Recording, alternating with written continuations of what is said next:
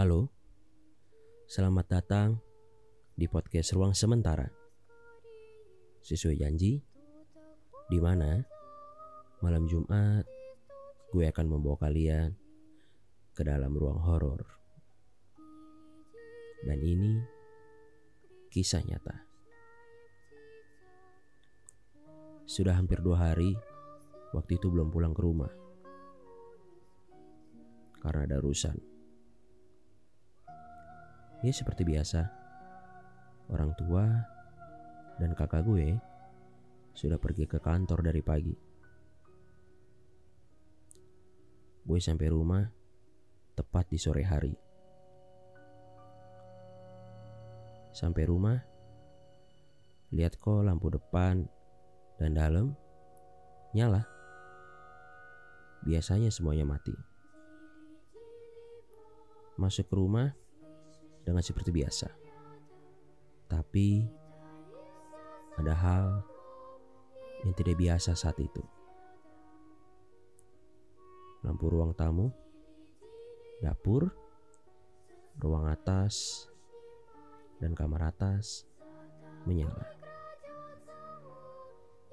Yang lebih anehnya, TV pun menyala. Langsung gue cek TV. Karena saat itu yang dipikirin, oh pasti rusak TV ini. Ketika cek TV, nggak ada kabel yang rusak. Kabel ke listrik aman. TV pun ketika dimatikan dan dihidupkan lagi aman. Ketika cek TV, gue dengar suara air kamar mandi yang hidup. Tidak seperti biasanya. Orang rumah ninggalin air dalam keadaan hidup.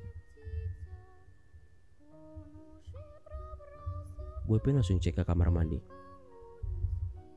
Ya, air menyala dan pompa air nyala. Gue langsung cek air kamar mandi dan coba matiin. Dan bisa. Dari situ, gue langsung cek pompa air. Apakah pompanya panas atau enggak? Kalau panas, berarti rusak. Ternyata dingin. Berarti pompa normal. Seketika gue dengar suara TV. Gue pikir TV depan rusak. Tapi pas jalan ke ruang tengah, TV mati. Dan ada suara dari arah kamar orang tua gue. Dari situ, gue langsung masuk ke kamar emak untuk melihat. Ya, TV kamar orang tua gue nyala. Di situ gue langsung cek apa rusak atau gimana. Ya kembali lagi normal. Gue inget lampu ruang atas nyala. Dan kamar gue pun lampunya nyala. Karena sebelum pergi dua hari gue matiin lampu. Dan orang rumah kalau nyalain pasti dimatiin. Oke gue memutuskan ke atas. Dengan keadaan mulai bingung. Sampai di atas, gue cek lampu, bisa dimatiin. Masuk ke kamar gue, dan coba matiin lampu, juga bisa. Semuanya normal. Tapi di situ gue mulai mikir, kok semuanya normal? Kenapa bisa nyala? ada dua hal yang gue pikirin. Satu hal yang di luar nalar. Tanda kutip ya. Atau ada orang yang masuk dan gak bisa keluar rumah. Oke, gue panggil sahabat gue yang tinggalnya di sebelah rumah persis. Ketika gue panggil, gue bilang ke rumah, bantu cek, ada yang aneh. Dan teman gue juga berpikir, ada orang yang masuk dan di situ lucunya dia bawa pisau.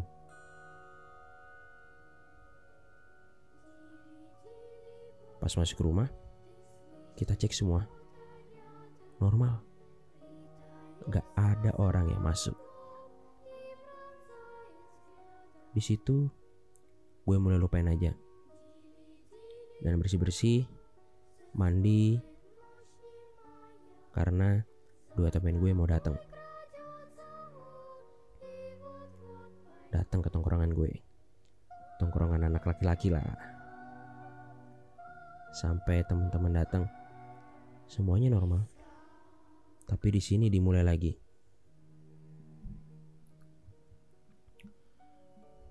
Berawal dari dua teman gue yang datang lapar dan mau pesan nasi goreng.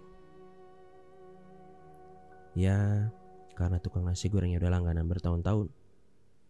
Jadi, gue punya nomor HP-nya dan memutuskan untuk telepon via WhatsApp.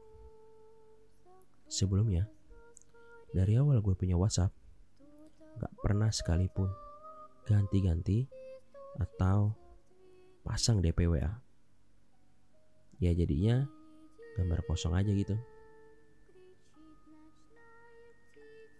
Oke balik lagi. Jadi hampir tiga kali ditelepon gak diangkat. Dan akhirnya gue memutuskan untuk WA message. Setelah nunggu beberapa menit, gue datang ke tempat nasi goreng itu. Pas datang, tukang nasi gorengnya langsung bilang, parah sih, pasang foto di WhatsApp gambar pocong. Anak gue sampai nangis gini. Pas gue nengok ke kanan, ke posisi anaknya. Bener.